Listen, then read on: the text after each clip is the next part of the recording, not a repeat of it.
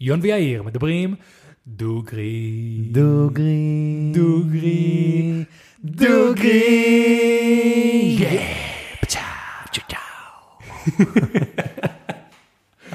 אהבתי את זה. כן, זה נשמע סבבה. זה טוב, זה טוב. אז שלום לכולם וברוכים הבאים לפודקאסט בוא נארח דוגרי, הפודקאסט שבו אני ויאיר מארחים דוגרי. והיום יש לנו את שיר פלד. שלום, שלום. מה קורה? מה קורה? מעולה. מאוד כן. מתרגשים שאת פה, האמת. כן. גם אני. אז אנחנו חייבים להגיד קצת אה, גילוי נאות, אנחנו בדרך כלל לרוב מגיעים מאוד פרי סטייל לפודקאסטים האלה, קצת בודקים אה, לפני כן, אבל שתינו מאוד התרגשנו מהפרק הזה ספציפית, את בן אדם כאילו מרתק, עם הרבה סיפורים, הרבה דברים שכאילו לא יצא לנו עדיין לארח, אז אנחנו קצת היינו מאוד לחוצים לפני שהגעת. ניסינו להכין שאלות מראש, למרות שאנחנו לא עושים את זה הרבה לפני כן, אז מה שנקרא, כן, ויש כן. פה גם שאלות שאנחנו שאלנו את עצמנו, וגם שאלות ששאלנו את פעם ראשונה שאנחנו שואלים את העוקבים הקהל. שלנו באינסטגרם. וואלה. כן, אז, כן, כן. וואו, בקיצור, עשיתם אולי תחקיר בית חולים מקיף. כן. עשינו, עשינו, כן, עשינו תחקיר ועשינו כל מיני שאלות, אה, גם אה, מהקהל וגם שלנו. וכן, אז כבר, מה שנקרא, אה, אמרנו היי וזה לפני כן. אבל, אבל. כן, אבל מה שרצינו להגיד, זה ש... התחלה מוזרה. כן, יון לפעמים, אה, פעם ראשונה האמת, אני אומר לפעמים, אבל לא, בגדול מה שאנחנו מאוד אה, מתרגשים, והיינו שמחים אם פשוט תתחילי בלהציג את עצמך.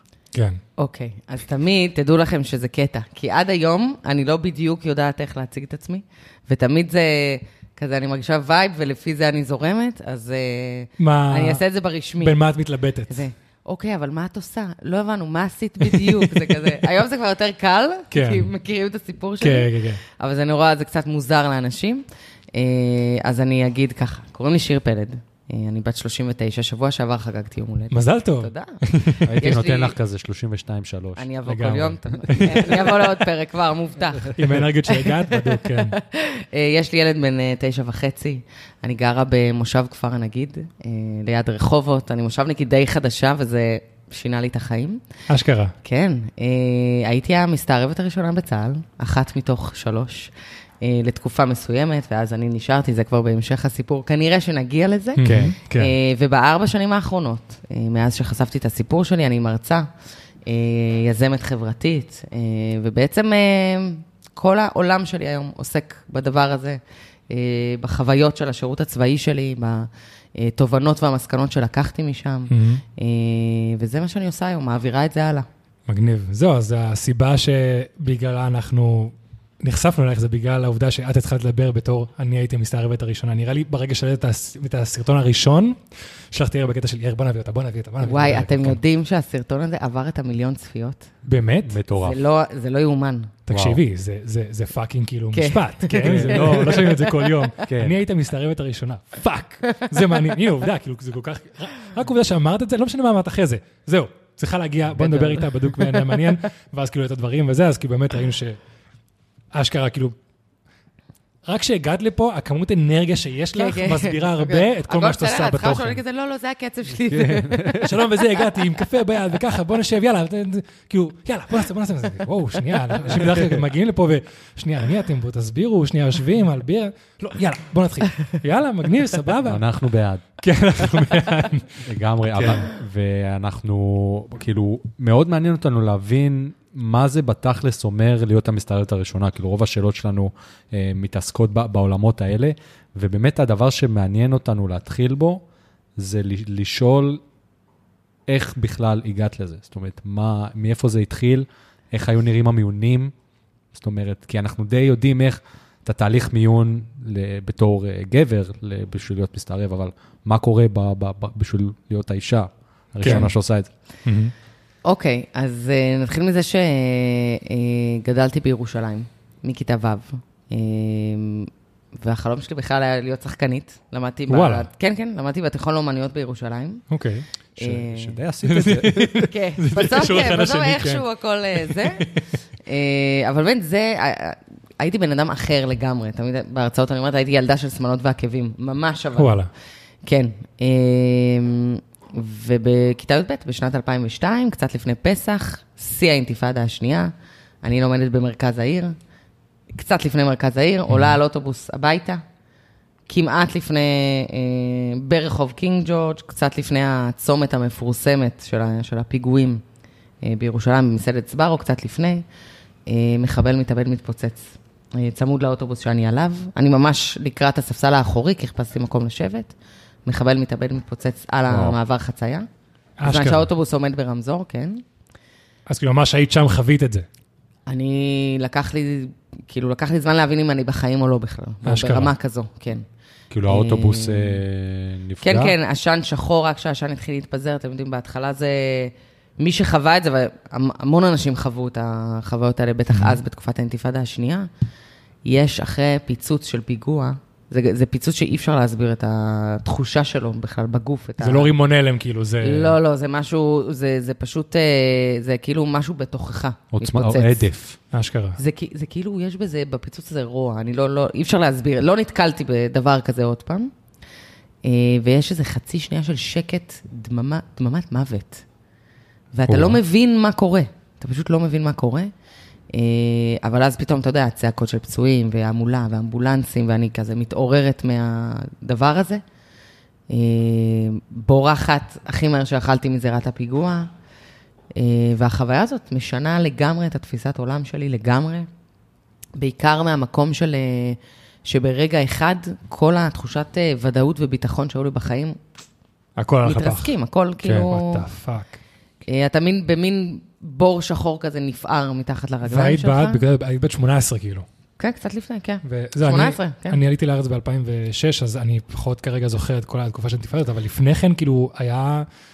חוויתי איזה משהו שמתקרב לזה, אם זה אזעקות או פיצוצים או משהו, כאילו שזה פעם ראשונה שחווית אה, בעצמך. האינתיפאדה השנייה הייתה מסביבנו כל הזמן, בטח בירושלים. כאילו, כן. זה היה להתעורר בבוקר מפיגוע, וזה היה... אני קצת מקדימה את ההמשך, אבל כן. גדלת, גדלתי לאבא שהוא איש ביטחון, אוקיי. אז גם ספגתי את זה וראיתי את זה גם מהצד הזה. כאילו, הבנתי. זה היה מאוד נוכח כן, אה, כן. בבית שלי. אה, כן, זו הייתה תקופה שהיה מפחיד אה, לצאת אה, אתה, מהבית. זה היה רולטה רוסית לצאת מהבית, ואני זוכרת את עצמי, כאילו, רואה מישהו באוטובוס עם מעיל. פשוט יורדת מהאוטובוס, כאילו... וואו. אז זו הייתה תקופה מאוד מאוד קשוחה, אבל החוויה הספציפית הזו פשוט משנה אותי לגמרי. כן. כאילו, את איך שאני רואה את הדברים. ואני חושבת שבעיקר מהמקום של להחזיר לעצמי את ה... איזושהי תחושת ביטחון, למצוא ביטחון במשהו, מהמם. אה, אני מבינה שהצבא זה התחנה הבאה בדרך. אה, אמרתי, גדלתי לאבא איש ביטחון. אה, אבא שלי בהמון המון שנים, כשאני הייתי ילדה, היה לוחם ומפקד בימ"מ, שזה, או-אה. כן, שזה כזה. לא סתם ביטחון. שזה כאילו. כזה. כן. fighter אמיתי, כמו שרק אפשר לדמיין, ואני בתור ילדה, אתה יודע, לא ראינו אותו הרבה בבית עד היום. אני אז איך את יצאת. עד כיתה י"ב, איך את יצאת אה, עקבים ושמלות עם אבא כזה? זה העניין, שיכול להיות שאם הייתי אה, ילד בכור וגבר, כן. יכול להיות שה- שהיו מסלילים אותי הבנתי, לכיוון של אבא נכון, שלי, אבל כן. כן. אתה יודע, מגיל מאוד מאוד קטן, אה, ידעתי מי אני, אני לא, יודעת, אני לא יודעת איך, אבל תמיד ידעתי שזה הכיוון שלי בחיים, אה, והייתי הייתי מאוד דומיננטית גם אז, ואני הודעתי להורים שלי שאני הולכת ללמוד בתיכון לאומנויות, כן. זה היה מאוד, אה, אה, מאוד חזק אצלי, אז הם זרמו איתי. אה, אבל מאוד יכול להיות שאם הייתי גבר, כן. אז הייתי מוסללת לתפקיד קרבי כבר כן. מכיתה כן. י' וט', הייתי חושבת לאן ללכת כן. וכזה. אה, אז השאיפה שלי הייתה לה- להגיע לתיאטרון צה"ל, מן הסתם. כן, הייתי, הייתי בדיוק לפני האודישנים גם לתיאטרון צה"ל. וואלה. ו... וזהו, וככה, ממש אחרי הפיגוע, אני אומרת לעצמי, אוקיי, אז אה, כאילו, אני רוצה לעשות תפקיד משמעותי, זה התחנה הבאה. ובטח לפני 20 שנה, תפקיד משמעותי אומר קרבי, זה כן. מה שזה אומר. אה, ויצאתי לחפש לי תפקיד קרבי, אמרתי, אני הולכת להיות לוחמת.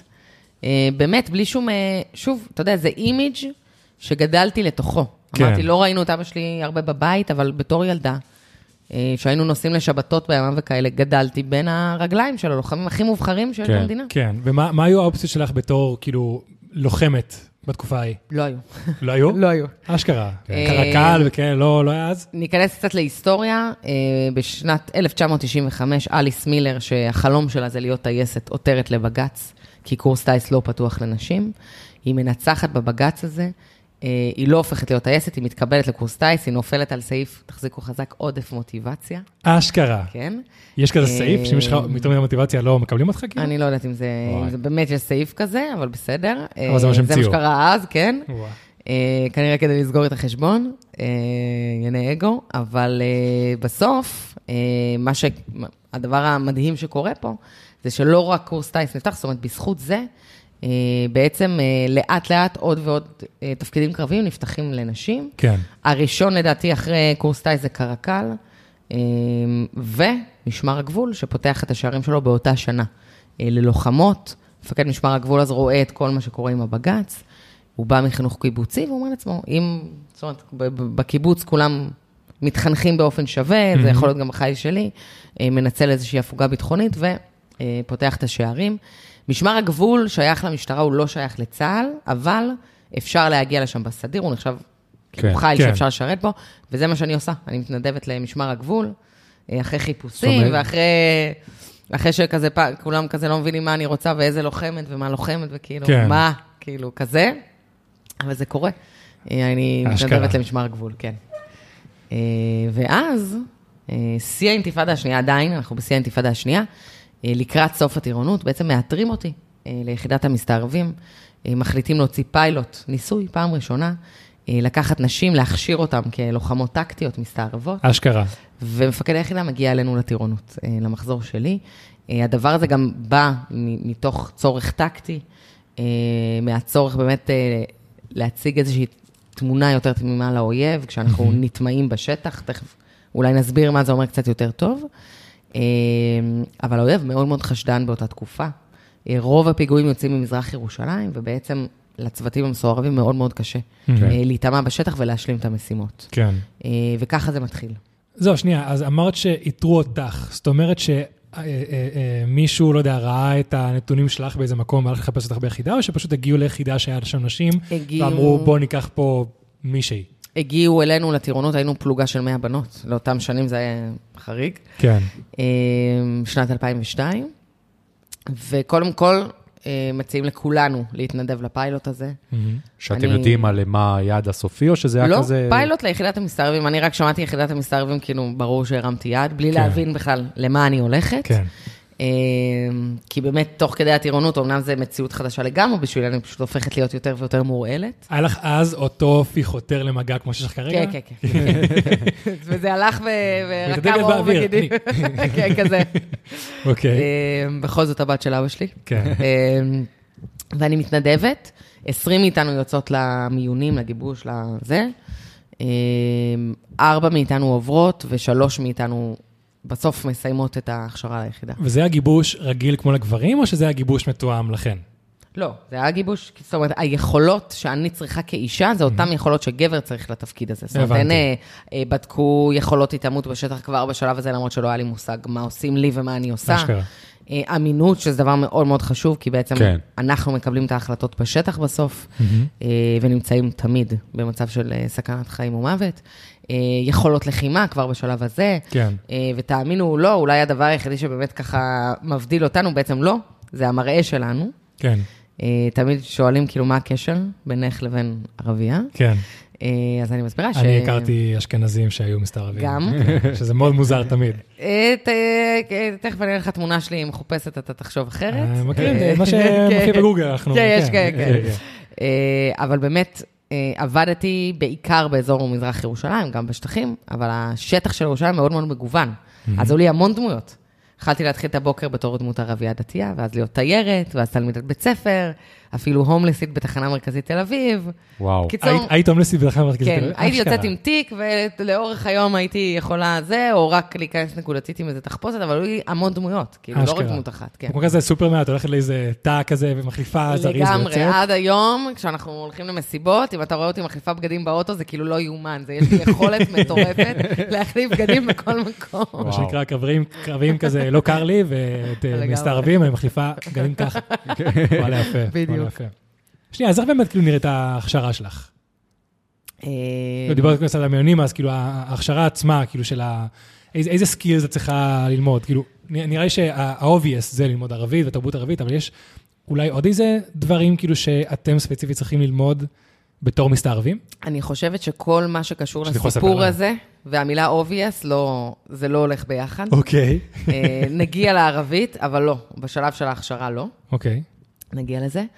אמ, אתה יודע, הרבה, כשבעיקר כשאני מדברת על, על כל העניין של שילוב אה, לוחמות ושל אה, שוויון הזדמנויות בצבא, אז כל הזמן מדברים על הפיזי, על הפיזי, ואיך יכולת זה, ואיך יכולת לסחוב את הציוד, ואיך...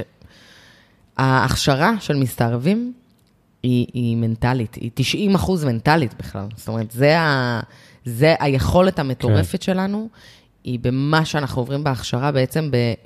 אפשר להגיד חיווט מחדש, מכוותים לנו את המוח מחדש, משנים לנו דפוסים, משנים לנו אינסטינקטים ברמה הזו. אשכרה. אה, זה מאוד מאוד עמוק. כאילו, היום כש... אתה יודע, שאני נוגעת אה, בתכנים של התפתחות אישית, שאני מדברת על זה בעצמי, אה, מההיבט שלי כמובן, אני, אני קולטת מה עשו? כמה נכון. עמוק הדבר הזה היה, כאילו, זה, אשכרה. זה, זה מטורף. אם זה גמישות מחשבתית, אם זה יכולת לעבוד עם פחד, אתה יודע, רובנו, כאילו, פחד משתק אותנו. כן. כן. ו- לחץ. וכמסתערבת, לחץ, פחד, כמסתערבת, בעצם הרעיון, אתם יודעים, אם אני אלך רגע למודל של fight, flight or freeze, שנלך אחורה לימי המערות, היינו יוצאים ממערה, רואים נמר, המוח נותן לנו שלוש אופציות, לברוח, לקפוא, אה, או להילחם. אה, אותנו כמסתערבים, מכשירים כל הזמן להיות בפייט. כל הזמן להיות במצב של לחימה. אה, ובסוף, זה לא משנה אם אני מסתערבת בשטח בסכנת חיים, או מחר אני צריכה להרים טלפון ל...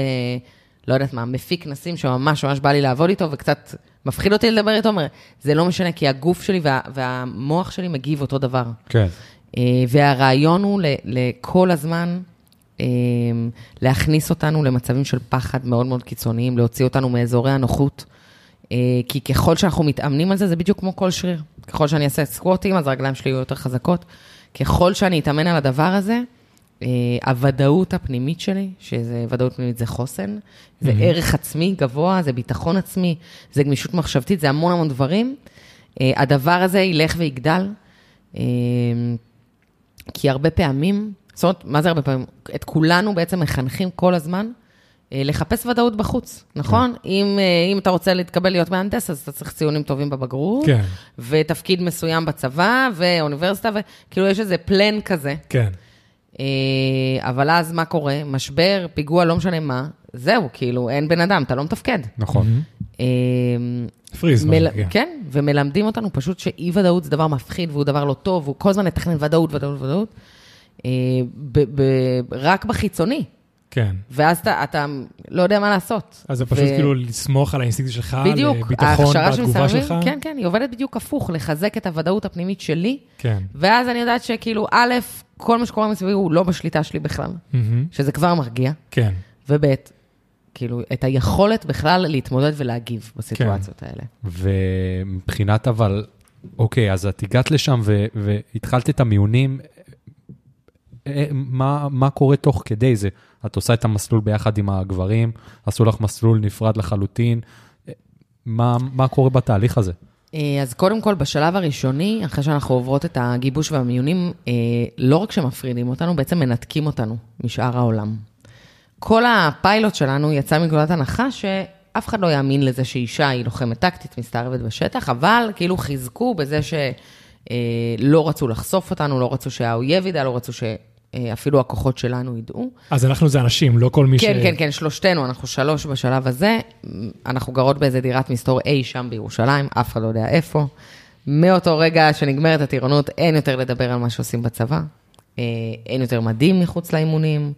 אה, זהו, זה רק שלושתנו עם שני מדריכים מהיחידה. בהמשך אנחנו אה, חוברות אה, לגברים, ללוחמים. בטח ביחידה אנחנו מתאמנות כבר אה, עם הלוחמים, כמו הלוחמים בכל דבר. אבל בשלב הזה אנחנו ממש ממש מנותקות, כאילו לגמרי, אה, ועוברות את ההכשרה שלושתנו יחד. אה, את אותה הכשרה, אבל פשוט כאילו כמו איזה קפסולה שלנו. אה, היינו תחת זכוכית מגדלת, זו הייתה הפעם הראשונה שדבר כזה כן. קורה. מפקד היחידה ליווה אותנו לאורך כל ההכשרה, צמוד, כאילו דברים ש... זאת אומרת, רק, רק שם זה יכול לקרות, כן. הדבר הזה, כן.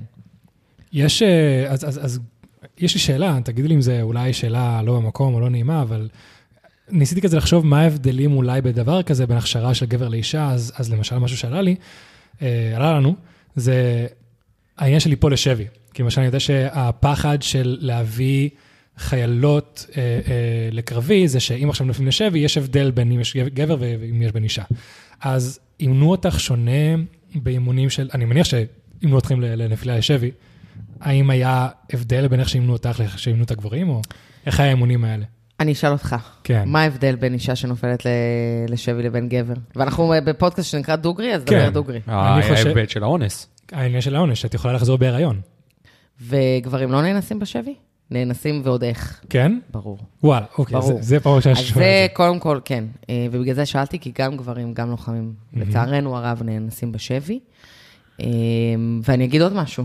כן, אתה יודע, אני יכולה, אני ספציפית לא, כי יש לי אינסטינקטים מאוד טובים, אבל כאילו, נשים אחרות בגילי, צעירות ממני, מבוגרות ממני, לא משנה, יכולות לצאת היום ל... לרדת פה למטה ולצאת לפאב בערב, וישימו להם סם אונס במשקה, או יאנסו אותם בשירותים. כן, אז כאילו, בזה לא מטפלים, אבל אוסרים עליי, מעצם היותי אישה, ללכת לדרך שאני רוצה בחיים, להתגייס לקרבי, כי יש סיכוי שיחטפו אותי ויאנסו אותי. כן. זה קצת מוזר. נראה כן, לי כאילו, לגמרי. בנוסף אולי לאקט של האונס עצמו, יש את העניין של להיכנס להיריון. כי עכשיו אם את חוזרת לארץ עם ילד חדש או ילדה חדשה של שבי, אז אולי שם יש אולי אה, השלכות יותר גרועות ל- לאורח חיים שלך בהמשך מאשר לגבר. אני מניחה שכן, אבל אה, אני חושבת שיש לי את היכולת להפעיל שיקול דעת ולהחליט בעצמי, כן. ולהגיד, אני רוצה ללכת לקרבי למרות שיש סיכוי שאני אפול בשבי, בדיוק כמו שגבר עושה. כן. שאומר, אני רוצה ללכת לקרבי למרות שיש סיכוי שאני אפול בשבי. כן, כן. אה, ו- ומה שמבאס אותי בכל העניין הזה, זה שלא נותנים לי בכלל את האופציה להפעיל שיקול דעת. זאת אומרת שכאישה, אין לי בכלל את האופציה להפעיל שיקול דעת. כן. אם, אם מתאים לי לעשות את זה או לא. כן, אה, ו- ו- ו- זאת אומרת, פה הבעיה. לא, הבעיה היא לא אם אני אאנס בשבי כן. או בפאב בדרום תל אביב. הבעיה עם, עם זה שלא נותנים לי להפעיל את השיקול דעת. זו, את יותר מדברת על השלב של הבחירה, האם להיכנס לקר- לקרבי או לא. כן, כי אתה יודע, יש המון נשים שלא זוכרות ולא זכו לעשות בדיוק את התפקיד שהם רצו. כן. בגלל, זאת אומרת, אני- בגלל ה- כן, כן. רק עכשיו זה מתחיל אה, אה, יותר להשתחרר ויש יותר ויותר תפקידים, זה עדיין לא 100 אחוז. בדיוק. אבל אני יודע כן. שעכשיו 669 אה, מתחיל להיות. נכון, ו- 669, אה, 13 לוחמות, אם אני לא טועה, 13 התקבלו עכשיו, אה, עברו גיבוש של יהלום. אה, אבל כן, אני חושבת ששוב, להיאנס זה דבר מזעזע. כן, אה, לא משנה אם אתה גבר או אישה, אבל אני חושבת שזה לא, לא פתור, מבחינת תפיסה חברתית, זה לא פתור עד הסוף, כן. אה, הסיפור הזה. כן, כן, זה... כן, נושא לא קל. אה, בשביל זה אנחנו פה, אבל לא? לגמרי, אתה- אתה צודקת. נושאים לא קלים. וואלה, צודקת. כן. אה, זאת, תמיד יש את השאלות שאתה לא יודע, כאילו, אני ויאיר הכי פתוחים לכל אה, נושא וכאלה, אה, לא תמיד אפשר לדעת. תשאלו, תשאלו חופשי, כן? בשביל זה אני פה, ברור. יאללה, מצוין. אז, אם כבר אולי אה, דברים אה, ת- אישיים של היחידה וכאלה, אה, זו שאלה מצוינת ששלחו לנו, שנראה לי מתאימה בול עכשיו, של האם יש איזה תכונות אופי, אוקיי, אני אתחיל ככה. את ראית את הסרט אה, ממזרים חסרי כבוד? ברור. ברור. יש את הקטע שהוא אומר לו, three glasses, כן. ובמקום לעשות ככה, האם יש תכונות אופי מסוימות שאת היית צריכה ללמוד בתור פלסטינאית במזרח ירושלים, אה, איפה שזה לא יהיה, שכאילו אסור לך להתנהג ככה, או מותר לך להתנהג ככה, כי אם לא, יחשפו אותך. בטח, כן. בטח, בטח, בטח. אה, קודם כל, חלק מאוד מאוד גדול מההכשרה שלנו, אה, זה משהו שאני מגדירה אותו במילה כללית, התבוננות. זאת אומרת שלפני שאני בכלל לומדת כל כפר ועיר ואזור, איך צריך להתנהג בו, איך צריך להיראות בו, אני צריכה בכלל ללמוד לקרוא סביבה, לקרוא אנשים, לקרוא, להיות כל הזמן צעד אחד לפני. מהמם. כי בכל רגע נתון, יכולים לשרוף אותי אם אני אעשה תנועה לא נכונה, בדיוק כמו שאמרת, כן. שורפים אותי. אז לא רק שאני צריכה לדעת איך להתנהג, אני גם צריכה כל הזמן להיות קשובה וערנית לסביבה שלי. אה, וברור, קודם כל, אתה יודע, הדבר הכי בסיסי כמו, אני גדלתי ב... כאילו, לחצות את הכביש וזה איפה שאני גדלתי, כילדה מערבית שהייתה הולכת עם חוצות בטן, כאילו, וזה, ופתאום לעבור את הכביש בתור דמות של ערבייה, ואסור לי בכלל להרים את העיניים מהרצפה. זאת אומרת, אם אני מסתכלת לגבר בעיניים, שורפים אותנו, שורפים כן, אותנו, זה לא אשכרה. חושבים, ברור. כאילו, זה ברמ, ברמות האלה. המימיקה של הגוף, זאת אומרת, בסוף, אה, שוב, כלוחמים צריך להבין משהו חשוב, זה לא סוכנים ומרגלים, יש הבדל מאוד גדול. אוקיי. אה, אנחנו כמסתערבים, אנחנו קודם כל לוחמים. סוכנים ומרגלים, נכנסים לשטח לטווחים ארוכים, יכולים לשהות שם, לישון שם. אה, הם אמורים לאסוף מידע ולהחזיר אותו. נדיר שהם יגיעו למצבי לחימה. כמו אלי כהן. כן. בדיוק, כן. בדיוק. טהרן, אלי כהן, זה בדיוק הסיפור. אה, ואנחנו, גם המטרה שלהם, כל המטרה שלהם היא לפתח תקשורת ואינטראקציה עם הסביבה, כי ככה הם אוספים מידע. כן. כן. אה, ותקשורת בין אישית, אנחנו כמשרדים קודם כל לוחמים. זאת אומרת שאנחנו תמיד אה, ניכנס לשטח כדי לבצע משימה, תמיד תהיה חתירה למגע בעצם, mm-hmm. בדרך זו או אחרת, יש לנו כל מיני שיטות פעולה. המטרה שלנו היא לא לדבר עם אנשים, לא לפתח אינטראקציה. כן. זאת אומרת שבמקום הזה אנחנו קצת כמו ניצבים בסרט. היכולת ספיגה שלי של הסביבה צריכה להיות עוד יותר אפילו אה, גדולה. כן. כדי להצליח לעשות את זה. אה, ועוד משהו, שזה בכלל שינוי mindset מטורף, אה, שקצת מתקשר למה שדיברתי עליו קודם בהכשרה, זה היכולת לעבור מ-0 ל-100. מהמם. כן, זה חשוב. בטירוף. אה, ממצב של כאילו לשבת אה, בתצפית, או לא יודעת מה, למצב של לחימה ב- בשניות. כן. כאילו, שזה... אז זה למשל, אני מכיר ב... ב אה, יש את ה... לפעמים סרטונים, לא יודע אם זה גם חבר'ה מסתערבים, אבל שקורה משהו ופתאום כאילו כל מיני חבר'ה בום, מוצאים את הכובע, שמים כן. קו, ישר מתחילים מזה, זה, כאילו... זה מסתערבים, בדיוק. זה מסתערבים? זה מסתערבים. זה משוגע, אתה מכיר את זה? אה, זה עכשיו, משוגע לגמרי. אני אספר משהו בנוגע לשאלה. אה, יום אחד אני והשותף שלי, היה לי שותף אה, שהוא היה לוחם ביחידה, ורוב הזמן עבדנו יחד, הסיפור כיסוי שלנו היה בעל ואישה. אה, ועקבנו אחרי מישהו, היה לילה, אה, כפר בירושלים, אני בדרך כלל לא אומרת שמות אה, של מקומות, מהמם. כפר בירושלים, צפוף כזה, כבר ערב, אה, אני- הוא, הוא נוהג, אני יושבת לידו, אה, מגיעים, הבן אדם נכנס לאנשהו, תצפית, עכשיו, זהו, הפכנו לתצפית, זאת אומרת, אנחנו בתוך האוטו, אה, אה, יושבים בתוך האוטו ברחוב, ואין לנו מה לעשות, כאילו, אנחנו חייבים להיות שם, חייבים לחכות, ואז מגיע שלב שזה נראה חשוד, כאילו, איזה גבר ואישה ערבים יושבים באוטו בלילה, סתם ככה. סתם ככה, וצריך להתחיל לחשוב על סיפור כיסוי מאוד מאוד וואו. מהר, כי אנשים מתחילים להתקרב. אה, אז השותף שלי יצא לפני שהגענו לזה, לקח כמה בקבוקי בירה ריקים, וברגע שהגענו לתצפית, שם אותם על הדשבורד מקדימה. אה, בתרבות הערבית לא שותים. אז Mhm. בעצם כל מי שהתקרב וראה את הבקבוקים, פשוט הלך, כי הוא הבין שזה כאילו שני חבר'ה צעירים שהתגנבו החוצה. אשכרה. אה, אז זה הניואנסים, תבין לאן זה מגיע. זה הניואנסים ש- שצריך שיהיו כל הזמן בשביל לקרוא את הסביבה ולהבין, לתכנן גם כל הזמן צעד קדימה. שנייה, אז אז העובדה שיש לך בקבוקי אלכוהול, זה לא גורם לי יותר חשד, כאילו שהחבר'ה האלה כנראה ממש לא מפה? או שאף אחד לא לא, יחשוד זה לא היה אפילו? לא מפה, זה כאילו, אתה יודע, זה שידר, זה כאילו יצר סיפור כיסוי של שני חבר'ה שפשוט כאילו התחבאו מההורים, ו... והם לא שידוך שזה, ורצ... כאילו, כן, כזה. אבל- כן. אבל- אבל מהבחינה הזאת, גם מאוד מעניין אותי להבין מה קורה מבחינת החשיבה של הצד השני. זאת אומרת, זה באמת מצב כזה, את יודעת, אם עכשיו אני אראה פה ערבי שיושב, אני לא...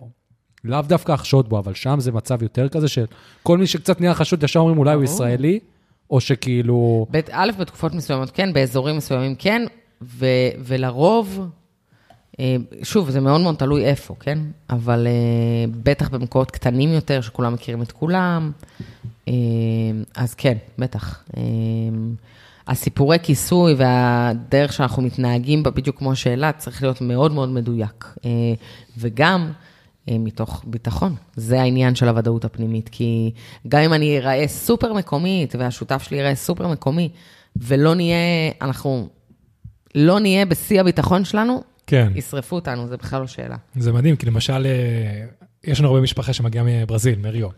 ושם יש גם כל מיני ניואנסים שאולי פה בארץ לא רגילים, אבל אתה מסתובב, ואתה כל הזמן שם לב להתנהגות של אנשים מסביבך. כן. אז יש כל מיני חוקים, שכשאני באתי לבקר משפחה בברזיל, כל הזמן אומרים, אתה הולך ברחוב, אתה רואה מישהו עוקב אחריך, יותר מאיזה 15 מטר, כנס לחנות הראשונה. שמעתי, שמעתי מלא סיפורים, כן. כן, אתה מגיע ל... ל אתה אה, לא עוצרים ברמזורים אדומים, אה, אפילו אם אתה רואה ילד בן 6, 7, כנראה שיש לו אקדח, וזה כאילו כל מיני כזה חוקים, שאז אז כן הולך כל הזמן בחשש ברחוב, אבל זה, כאילו, אני...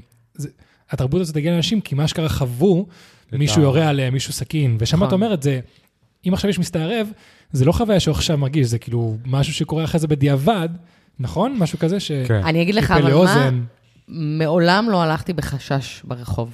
כשהייתי בפעילות. וואלה. זה בדיוק, כי אם הייתי הולכת בחשש ברחוב, לא הייתי אותך. יוצאת משם. זה אותו בדיוק. חיבוק כן. שעשו לך. ש- תאמינו או לא, זה ברמה ש... שהרגשתי בבית. הרגשתי בנוח בתוך הדמויות, הרגשתי בנוח בתוך הסביבה, כאילו אה, אני חלק, ועד היום יש לי שרשרת אה, עם השם של הבן שלי בערבית, זה הבן זוג וואלה. שלי קנה לי לפני שנה, ותמיד שואלים אותי, אבל למה היא מוכרת לי הכי טוב הרצאות, מה- מהכל, מהמדיה, מהכל, זה לא יאומן.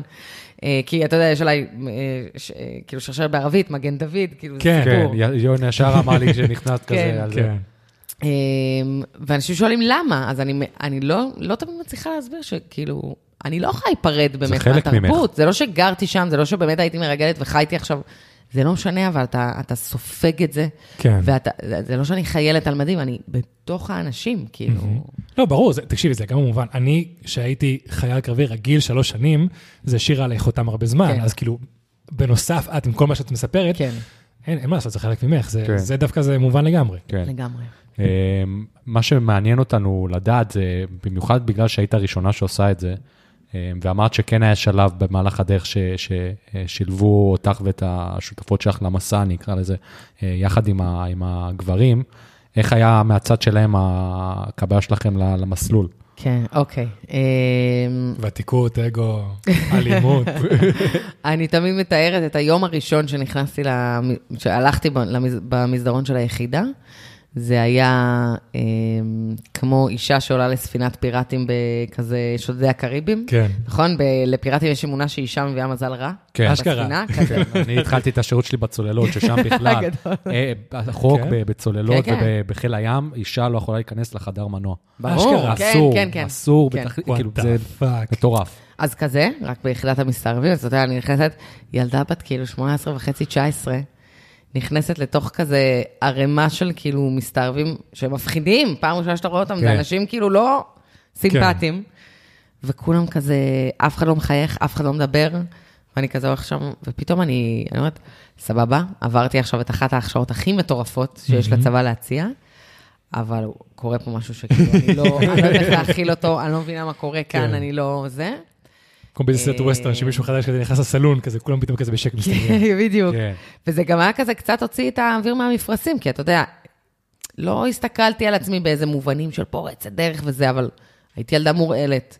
עשיתי, כאילו, אז לא הסתכלתי על זה, עשיתי היסטוריה, אבל כאילו, עברתי את ההכשרה הזאת, זה כן. פסיכי. ורציתי כבר להכיר את כולם, ו- ולהתחיל לעבוד בשטח וזה. כן. פתאום כזה, כזה, כאילו, אני הולכת במסדרון ולאט לאט כזה, מכווצת את עצמי לנוכח כן. המבטים מסביבי. אמ, היו קשיים. כן, היו כן. קשיים, אמ, ואפשר להגיד שכשנכנסנו רשמית ליחידה, אה, שם בעצם התחיל אה, משהו שאני, שכבר הפך להיות אה, מונח שהוטבע אה, במחקר אקדמי, אבל אה, בעצם שם מתחיל הקרב הכפול. אה, אחד זה בשטח, שיא האינתיפאדה השנייה, אני כבר יוצאת לפעילויות והכול, אה, לצד הלוחמים, והשני זה בכלל על- הקיום שלי, על על הזהות שלי. כן. כן. אה, בתוך היחידה לא קיבלו אותנו. היה קלאש, את אומרת. כן, תשמע, גם, גם בתפיסה, שוב, זה לא הלוחמים או לא המפקדים, זה התפיסה החברתית. ומפקד היחידה, מה שאמר לנו, תקשיבו, אני לא יודע אם בשטח אתם תגיבו כמו שאימנו אתכם, כמו הלוחמים, או שתיכנסו להיסטריה ותקפאו כי אתם נשים. כי זו נכון. פעם ראשונה שעושים דבר כזה. בדיוק, אה, אבל הוא לא נותן לנו אפילו צ'אנס אה, להוכיח את עצמנו מקצועית, כן. כי הוא מכריז על זה שאנחנו הולכות להיות שיטה, שיטה טקטית, מהמם. ולא לוחמ, לא לוחמות בעצם. אה, אסור לנו להיחשף, כל העבודה שלנו, ככה הוא אומר, הולכת להיות לשבת לצד הלוחם באוטו, להציג את אותה תמונה תמימה שדיברנו עליה, וברגע הפעל, אתם לא זזות. לא משנה מה קורה, יורים עליכם, לא משנה מה קורה. וואו. אז מצד אחד, אימנו אתכם להיות לוחמות, בצד פעל הפ- הפיכת קרה והכל. כמו בולדוג, שכאילו אימנו אותו לרצוח ולא, לא, לא, אני לא. אגיד את המילה לרצוח, כי עוד יקשרו את זה למה שעשיתי בשטח, ממש לא, אבל כאילו שאימנו אותו לתקוף נגיד, כן. אה, ו- ולא נותנים לו. משאירים אותו בבית. כן. וואו, כן, נורא. נורא. מאוד. כן. אה, לקח המון המון זמן אה, בעבודה מאוד מאוד קשה, עד שהדבר הזה השתנה. וואלה. כן, כן. כמה זמן שירתת סך הכל ביחידה? אה, סך הכל, כל השירות שלי היה ארבע שנים, משהו כמו שלוש וחצי שנים ביחידה. אולי קצת פחות, אבל ובמהלך הזמן הזה את אומרת שכן, אבל הצלחת והצלחתן, הצלחת לעשות את השינוי הזה? אה, כן. אה, זה, השינוי הגיע עם הזמן, או היה פתאום איזה מבצע שאמרו, טוב, הנה, הם הוכיחו את עצמם? אה, גם, אני אגיע אליו, אבל גם בעיקר, אה, זה ממש היה תהליך אה, שמצד אחד אני רק רוצה להוכיח את המקצועיות שלי ולהגיד, אם רק הם יראו איך אני מגיבה בפעל, כבר יכניסו אותי ויכניסו אותי לצוות והכול. אה, ומצד של, כאילו, אתה יודע, האמונה הפנימית שאני, מגיע לי להיות שם ואני צריכה להיות שם ואני אוהבת את העבודה, מאוד מאוד ליוותה אותי. אה, ומצד שני, המסרים ששמעתי מסביב במשך כל, ה, כל השירות שלי היו שליליים, היו מאוד מאוד מקטינים. מהמם. אה, וואו. ולאט לאט אני בעצם מפתחת דפוסים שאומרים לי, אוקיי, זה שאת אישה, זה כנראה בעיה, את צריכה לעשות כן. הכל כדי להסתיר את זה, את צריכה לעשות הכל אה, כדי להתרחק מהדבר הזה, וזה באמת מה שקורה לי, כאילו, אבל- אז זה- זה דברים שלמשל יותר, בעיקר הגיעו נגיד מה- מהסגל, דברים שהגיעו מהחבר'ה שלך. מהצוות, מכולם. פשוט מ- מ- מכל זווית כן. היה לך את ה... מעט מאוד לוחמים שכאילו. הבינו את את השותף שלי שעד את היום. היתרון של זה, זה יתרון מטורף, זה כאילו כלי כן, תראה, שהוא... ב- בשטח הבינו, הבינו את היתרון, הבינו, כאילו, הפיילוט הזה גם בסוף מאוד הצליח. הנתונים שלנו היו טובים, הכל היה טוב, אבל במהות אה, לקח זמן עד שסמכו, ולקח זמן עד שזה. אה, והלוחמים בסוף, אתה יודע, גם לא התאים להם שהביאו נשים להיות בתפקיד שלהם, וכל הזמן שמעו מהיחידות מסתערבים האחרות של מג"ב, אנחנו כמה, כאילו, יש כמה בכל, אחד בכל אזור. אה, כמה כאילו הם האפנים שאשכרה נשים עושות את העבודה כן. שלהם. כל מיני, אתה יודע, זה ממש תפיסה, כאילו, זה היה ממש ברמת התפיסה. אה, ואז אחרי שנתיים, שאני כבר לבד ביחידה, אנשים שכאילו, שותפותיי למסע כן. עוזבות, ובאמת מגיע מבצע גדול באזור חברון. אה, לספר? לספר? כן. לא, מה פתאום? הגבול? היחידי זה מה שאת יכולה לספר מבחינתנו, אנחנו הכל. מבחינתנו זה פודקאסט לא, זה לא מעניין, זה הקטע שלי מסתיים. גדול. אה, אז אנחנו צריכים לתפוס אה, ארבעה מבוקשים חמושים, אה, שמגיעים לעשות עסקת נשק במסעדה בכפר ליד חברון. אה, מתכננים את המבצע הזה, יודעים עליו מראש, אה, כוח חילוץ גדול, מסוקים, כולם אמורים אה, להיכנס בפעל, אה, לסייע. מסוקים, זה לא אה, נגד הסתערבות? אחרי הפעל זה כבר סיפור אחר. אחרי. הפעל. אחרי הפעל אה, כולנו אתם הופכים להיות בפנים, ואז יש לוחמים. מסוקים? כן, אה, כן. הבנתי, הבנתי. חשבתי שאתם נכנסים. במסוקים. לא, לא, לא, אנחנו לא. אמ, אז אני והשותף שלי, התפקיד שלנו באותו מבצע היה לעמוד, כאילו לסגור איזה כביש, לעמוד בקצה כביש שמוביל למסעדה, אה, ולראות תנועות חשודות. ידענו שאולי יש עוד חשודים שקשורים לחוליה, אנחנו ככה צריכים אה, לתצפת. אה, כמו שני מקומיים כמובן, כשאני אומרת תצפית, זה לא תצפית כמו שמדמיינים אותה על איזה פילבוקס למעלה, לא, כן. זה ממש לעמוד כמו שני מקומיים בשטח, או לשבת, או לא משנה מה. כוח מסוערב גדול, חלק בתוך המסעדה, חלק מחוץ למסעדה. אה, זה אפילו היה מבצע שאשכרה, יש לי תמונות ממנו. כאילו, זה, אין לי הרבה תמונות, וצילמנו, זה יכולתם לצלם? מצלמים לפני מבצע גדול, מצלמים בשושו, אתה יודע, זה לא היה טלפון, מצלמת פילים. כן. כאילו. אשכרה. כן, יש לי איזה קטע, חלק מהתמונות שלי, אין לי הרבה, אבל הכיסוי של המצלמה שלי בתמונה, כאילו, רואים אשכרה. שזה, כן. אדיר. מצחיק. אה, רק מראה כמה הזדקנתי. פזם, פזם. כן, ממש. בקיצור, אה, כן. אז כוח מסוערב גדול, חלק בתוך המסעדה, חלק מחוץ למסעדה. אה, אנחנו כבר שומעים בקשר שהחוליה בפנים, העסקה בוצעה, אנחנו מקבלים דיווח מהחבר'ה שלנו בתוך המסעדה. אה, הם יוצאים, החמ"ל בחוץ, כמובן, תחשבו כמה כוחות, מה אני שומעת באוזן, מסוקים, כוח חילוץ. כמה כוחות של מסוערבים, אנחנו, חמ"ל, כאילו כולם מדברים בקשר באוזן, אה, שזה גם בשטח בעצם, תחשבו על כמה, בכמה דברים אני צריכה להיות בפוקוס, זה כן. מטורף. אה, זהו, פעל, כן. החבר'ה המסוערבים בחוץ שולפים את האקדחים, אה, במטרה לעצור אותם. המבוקשים שולפים את הנשקים שלהם על הכוח המסוערב שלנו. אה, המסוקים כבר עולים, הכוח חילוץ כבר נכנס, סוגר וואו. את כל האזור. זה הכל, שתבינו, זה קורה במאית השנייה. כל האנשי הכפר כבר בחוץ, כבר התחילו לזרוק עלינו אבנים וצרחות. אה, כמעט, כמעט מתפתחת תקרית ירי, אבל מהר מאוד עוצרים אותם. אה, וזהו, אני והשותף שלי... אשכרה, אתם מתחילים כאילו לחטוף אה, אבנים וזה, תוך כדי. ברור, ברור, ברור. אה, הרבה פעמים גם ירי. לכיווננו. כן. פה במקרה הספציפי הזה לא. ואנחנו, אני והשותף שלי, קולטים שכבר שומעים בקשר, רואים גם מולנו שהם כבר עצורים והכל כן. לקראת קיפול. לא נחשפנו, אף אחד לא יודע מי אנחנו, אנחנו מתחילים ללכת לכיוון הרכב שלנו, שהיה אחרי הכוח, כדי לעלות עליו ולצאת, ופתאום אחד המבוקשים אה, בורח לכיוון. שלנו עם אקדח ביד. אה, אנחנו מבינים שאנחנו עכשיו נצטרך לעצור אותו, כי אין כוחות מאחורינו עכשיו, מה זה, אין זמן שומע, אתה תלך מפה, לא, לא, אין זמן זה לדבר. האינסטינקט כאילו. ש- זה האינסטינקטים. זה כן. האינסטינקט וגם התקשורת בינינו, שבסוף התקשורת בשטח בין חברי הצוות היא סופר קריטית. אתם חייבים שיהיה לכם איזו אורגניות מטורפת. לגמרי. אה, שזה היה גם אחת הבעיות בזה שלא קיבלו אותנו, כי הלוחמים לא תקשרו איתנו הרבה מאוד זמן. או-אה, או-אה. כן. וואו. אה, פעם נשרפנו בגלל לוחם שפחד לרדת איתי לשטח, והוא הלך ברחוב ורעד, וכאילו, נשרפנו. כן. ו- והוא רץ לכיוון שלנו. אה, השותף שלי, הוא ממש כאילו כמעט חולף אותנו, הוא לא יודע מי אנחנו, הוא חושב שאנחנו מקומיים. אתם עדיין הייתם בדמות, כאילו. כן, כן, לגמרי, הולכים כזה בנונשלנט, לא משנה, הכפר נשרף ואנחנו כזה כן. הולכים. אה, הוא כמעט חולף אותנו. אה, השותף שלי נת- נתקע בו, הם שניהם אה, נופלים לרצפה, אה, וממש מתחיל ביניהם מאבק, כי הוא פתאום קולט מה קורה, הוא רוצה לברוח, או שהוא לא בדיוק קולט מה קורה, אבל אתה יודע, הוא אחוז אמוק, כי הוא רוצה להציל לעצמו ברור. את התחת. כן. ו- והוא, מכ- והוא כבר מכוון את האקדח לשותף שלי, והשותף שלי לא הצליח להוציא את האקדח, לא את הכובע זיהוי, לא את האקדח, כי הוא ממש אחז אותו. כן. אה, ואני שולפת את האקדח מתוך התחפושת, מצמידה לו לראש, שקט. דיי. ממש. דאם, הוא לא- לא ציפה בחיים שכאילו... הוא לא הבין מה קורה, כאילו, קודם כל, הקשר שלי באוזן משתתק, שקט, כאילו, שקט, עם בלאגן, כאילו, החמ"ל והזה, והמסוקים, אני שומעת אותם, והכל שקט. כל האנשים בכפר כאילו שמו פאוז בנטפליקס, כולם כאילו, מה, פשוט בגלל העובדה שכאילו אישה עכשיו שלפה כן, אקדח? כן, כל וגם הוא, כאילו אני אומרת לך?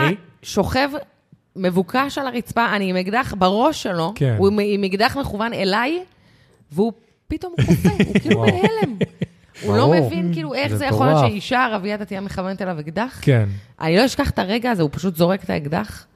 אה, באים שני חיילים, עוצרים אותו, אה, ואני מרימה את הראש, אני קולטת מה קרה. אתה יודע, מן הסתם, אה, למרות מה שמפקד היחידה חשב, הגבתי כמו שאימנו אותי, זאת אומרת שהגבתי מתוך אינסטינקט, לא חשבתי כן, מה כן. אני עושה. הוכחת את עצמך. בדיוק, אה, ואני פשוט מכסה את הפנים, רצה כאילו נעלמת לרכב, אה, ובאמת, אה, באמת אחרי, אחרי המבצע הזה, כן. אז מצבי ביחידה... משתפר. משתנה מבחינה מקצועית, כן, ואני מאותו רגע באמת עובדת בהכל. יש לי שאלה שהיא מאוד ספציפית, אבל מאוד מעניין אותי. ברגע שהצמדת לו את האקדח לראש, דיברתי איתו בערבית, אמרת לו משהו בערבית, או שכאילו פשוט שמת לו את זה והוא הבין, וכאילו לא היה שם דיבור? זהו, אז... כי אני מדמיין את הסצנה בראש. כן. כן, אז קודם כל, אה, לא, זה לא, זה, זאת אומרת, לא היו שם מילים. אה, היה שם אולי איזה וואקף כזה בקטנה, אבל לא היו שם מילים. אה, וכבר התחלתי, התחלתי לדבר על זה קודם בקטנה, אבל עכשיו אני אגלה שאני לא מדברת מילה ערבית ומעולם לא דיברתי. אשכרה. וואו. וואו, אוקיי. אמרתי לך, כל דבר ש-obvious אין בסיפור הזה. או-אה, אוקיי. זה אה, זה מרשים. והסיבה אה, לכך היא שבאותו רגע שישבנו אצל מפקד היחידה, כשהגענו ליחידה, ואמרנו לנו, אתם שיטה טקטית ואתם לא לוחמות ואתם אתם לא תפעלו בשטח, אז אתם גם לא צריכות ללמוד ערבית, כי אתם תשבו באוטו, וככה זה נשאר כל השירות שלי. מסתערבים יודעים ערבית. אתם קודם כל לא. לא כולם, היום כבר כולם, אבל בתקופה שלי, אתה יודע, יש, שוב, אנחנו לא, לא, לא מייצרים אינטראקציה, כן. גם לרוב אנחנו עובדים בצוותים או בזוגות, אז תמיד יהיה מי שידבר, או בסיס, או משהו. אפשר להסתדר, כן? כן. אה, ולא, לא דיברתי ערבית. האם גם אולי יש איזו סיבה כזה תרבותית שפשוט נשים דתיות ערביות לא קודם כל, מדברות? ברור, כן? לא פונים לנשים ברחוב. כן. קרה שפנו, ברור שקרה שפנו, אה, וזה חלק מהעניין, לדעת לצאת מסיטואציות כאלה, מהמם. אה, מה שנקרא בקלאס באפס מאמץ. כן. אה, אבל אה, קורה. ברור שקורה. אשכרה. לא, גם יש את הדברים שרוב השאלות שיפנו אליך ברחוב זה שאלות של כן ולא, אז כאילו, אפשר איך לשאול, את לא, עוד כאילו לא זה... דיברנו על תרגילי ביטחון עצמי ומה זה אומר, אבל אני יכולה להגיד לך שהשותף שלי היה מלא, כאילו, אומר לי, טוב, רדי, לכי עד סוף הרחוב, כנסי למאפייה, תביא לנו בייגלה ושומנת ותחזרי. סבבה. כי הוא היה רעב או כי צריך אה, להיטמע לא, כי בשטח? הוא, כי הוא מלמד אותי לעבוד בלי שפה. Mm, לבד. בלי שפה. וזה, כאילו, גם, הייתי נכנסת למקומות לבד, כי בי לא יחשדו, אז כן. כן. בלי שפה. אשכרה. זה כן. מזכיר לי את, אה, יש לנו את חבר, חבר עידן, טסנו לדרום אמריקה ביחד, והוא לא, אני יודע ספרדית, והוא לא יודע ספרדית בכלל, ואז תמיד זה, הגענו למצב שהוא לא לומד ספרדית, כי אני מדבר, ואני כל פעם נכנס לחנויות. כן. ובשלב מסוים הוא אמר לי, טוב, אני רוצה ללמוד ספרדית. אז אני נכנס לחנות ותגיד לי מה אני צריך להגיד, ואני כאילו, תחכה לי בחוץ. כן. ואז הוא נכנס לחנות והוא אומר את מה שאמרתי לו להגיד, ואז הוא יוצא, סבבה, אמרתי לו, אבל הוא ענה לי, ולא הבנתי מה הוא רוצה. גדול, גדול. אדיר. אבל זה רק בא להראות כמה, כמה, אה, כמה תקשורת היא הרבה דברים לפני שהיא שפה. כן. אה, אני חושבת שזה זה קצת כמו לפצות על חוש שחסר, זה קצת הפך אותי להיות טובה בדברים האחרים כן, אפילו כן. יותר. אה, אבל כן, מסתדרים. גם כמה כל העניין אה, של ביטחון עצמי ואלתור בשטח כן. ופתרון בעיות, זה כאילו הרבה יותר חשוב, כנראה, יש לנו פה כן. חוקים בשטח, של כאילו ללמוד את השפה החדשה. זה מדהים, כאילו. והיה לי, שאלה, תוך כדי שסיפרת על ה- המבצע. אז את אומרת שכאילו, העובדה שאישה דתייה ערבייה שלפה אקדח, כאילו גרם לכל המקום, כאילו, לעשות פוז. תשמעו, מעולם, כאילו, היו לי הרבה סצנות מאוד מאוד מעניינות בחיים, כזו, כאילו, זה אחת ויחידה, כאילו. אז כאילו, אחרי שאתם עושים פעל, אתם לא סוג של שורפים לעצמכם את, ה, את הזהות שלכם? כאילו, עכשיו לא כולם הולכים לזכור את הפנים שלך או משהו כזה, או כאילו, פעם הבאה שמישהו יזכור, יתחילו לספר, כן, אם אתם רואים את זאתי, זה לא קורה כאילו? תראה, אמ, קודם כל חשוב להגיד שעצם קיומנו עובד על גורם ההפתעה. אוקיי. זאת אומרת, כשאתה נכנס אה, ללחימה בשטח אה, עם רכבים מוגנים וטנקים וג'יפים ואפודים ומקלרים ולא משנה מה, אתה גורם הרתעה. אני, מעצם היותי, גורם הפתעה. אה, שפועל בדיוק על המקום הזה, שלפני שאתה תספיק להגיב או לקלוט או לזכור משהו, אני כבר לא אהיה שם. אני אעשה את מה שהייתי צריכה לעשות ואני לא אהיה שם. לא רק שאני עושה את הדברים בשושו, גם במצב של לחימה, אה, אז זה, זה הרעיון. כאילו, גם כשאני, כשיש לי את הפעל ואני כבר יוצאת מדמות, משילה את התחפושת, הופכת להיות לוחמת, אני, אני תוך חצי שנייה לא אמורה להיות שם. כאילו, להיות בלתי נראה, להכות, ללכת. אה, או לעשות את זה, זאת אומרת, יש, יש כמה שיטות פעולה. אז באמת יש, אנחנו יכולים לבוא לשטח ובלי שידעו בכלל מה עשינו ונעשה את זה ונלך, או שעם כל השואו. כאילו... אשכרה, כן. כן. ועדיין, מדהים. זה עדיין גורם הפתעה. כי ת- תחשוב שזה כאילו, אתה הולך ברחוב ופתאום, בשנייה, פתאום אנשים כאילו שולפים אקדחים, עוצרים את זה, ביי. כן, כן. כל הסרטונים שמדי פעם יוצאים, זה. הדבר הכי מטורף בעולם. בדיוק. כאילו- תחשבו על, ה, על הירי שהיה בדיזינגוף. אני, אגב, באותו ערב אה, הרציתי בכנס באילת, ורבע שעה לתוך ההרצאה אני קולטת את הקהל, בטלפון. בטלפונים. טלפונים נכנסים אותי ואני לא מבינה מה קורה. עכשיו, אני כלוחמת טובה, ממשיכים עד הסוף, לא כן. כאילו, לא זה. אה, ו- ויצאתי, וכאילו, בסוף ההרצאה גיליתי מה, מה היה, ומי שנטרל את המחבלים תוך מה, שתי דקות? זה היה החבר'ה מהיחידה שלי שישבו בכלל במסעדה. מה שקרה עכשיו, כאילו? לא, לא, זה היה לפני אה, קיץ שעבר. אני שנה לא שעברה, וואלה. טועה. כן. כן. זהו, כל הזמן אומרים כזה חבר- חבר'ה מיחידות מיוחדות. כן, ות. ותוך, הם, הם לא היו בתפקיד בכלל, הם ישבו ואכלו ארוחת ערב, ותוך שתי דקות הם יצאו אה, וחיסלו את המחבלים, וזאת היכולת. היכולת להיות... זאת היכולת, אה, להיות ב fight. לא כן. משנה מה קורה, להיות ב fight, זה הקטע. כן. אה, ולזה מאמנים אותנו, ו- ו- וככה נראית ההכשרה שלנו. אה, וזה, וזה היום, אני גם, אני גם כל הזמן מזכירה את זה לעצמי, כל, כל הזמן מתעסקת עם זה, אבל זה גם מה שאני מעבירה הלאה, מהמם. שלא חייבים להיות מסתערבים בשביל לחיות במקום הזה. כן. כאילו, אז, אז כמה בעצם דומה, זה, זה שאלה מהקהל, כן? כן. כמה בעצם דומה פאודה למציאות כאילו של... אוקיי. שאלה מתבקשת, אין מה לעשות, קודם כל, שתדעו שאני מאוד מתרגשת מהשאלות מהקהל. באמת, זה מגניב. לגמרי. גם אנחנו. כן, כמה אני, זה? גילוי נאות, אני לא ראיתי פאודה. לא ראית פאודה? אני ראיתי, זה אני ברשימה שלי, ראיתי. כן. אה, אוקיי. אבל אני יודע על מה זה, כן? כן, כן. אז אה, פאודה, קודם כל נתחיל מזה שהיא סופר אותנטית, בטח שתי העונות הראשונות. אה, וואלה. אם זה הדמויות, ואם זה הדיאלוגים בין הדמויות, אני יכולה להצביע על כל חבר צוות ב- ב- ב- בפאודה מהדמויות ולהגיד, זהו, זהו. זה הוא, זה הוא, זה הוא, ממש, כאילו, זה לא יאומן. אשכרה. אה, מאוד מאוד אותנטית, אה, אבל יש לה את המימד ההוליוודי, ברור. אה, ואין מה לעשות, וצריך פיצו- פיצוצים ואקשן וזה. וקצת הפרות פקודה מדי פעם. זהו, אתה מבין, אף אחד לא הולך וחוטף שייח מדעת עצמו, אף אחד לא מטייל לבד ועושה מה שהוא רוצה בשטח. במקו, אפילו ביחידה שאני שירתתי בימ"ס ירושלים, לירות כדור מהאקדח שלך זה דבר שחושבים עליו טריליון פעמים, כי כל כדור בירושלים זה יכול... להעביר את כל מלחמת עולם ברור, שלישית. ברור. אשכרה. אז זו עבודה קצת שונה, עבדתי גם בשטחים, אז אני יכולה להגיד שזו עבודה קצת שונה, אבל כן, יש לה את המימד ההוליוודי, אבל אה, מבחינתי, קודם כל פאודה העירה לי חזרה את כל השירות הצבאי אחרי 14 שנים, אה, ו- ודרך צפייה בפאודה, אה, הכל חזר לי, וזאת הסיבה שחשפתי את בקטע הסיפור. טוב או לא טוב?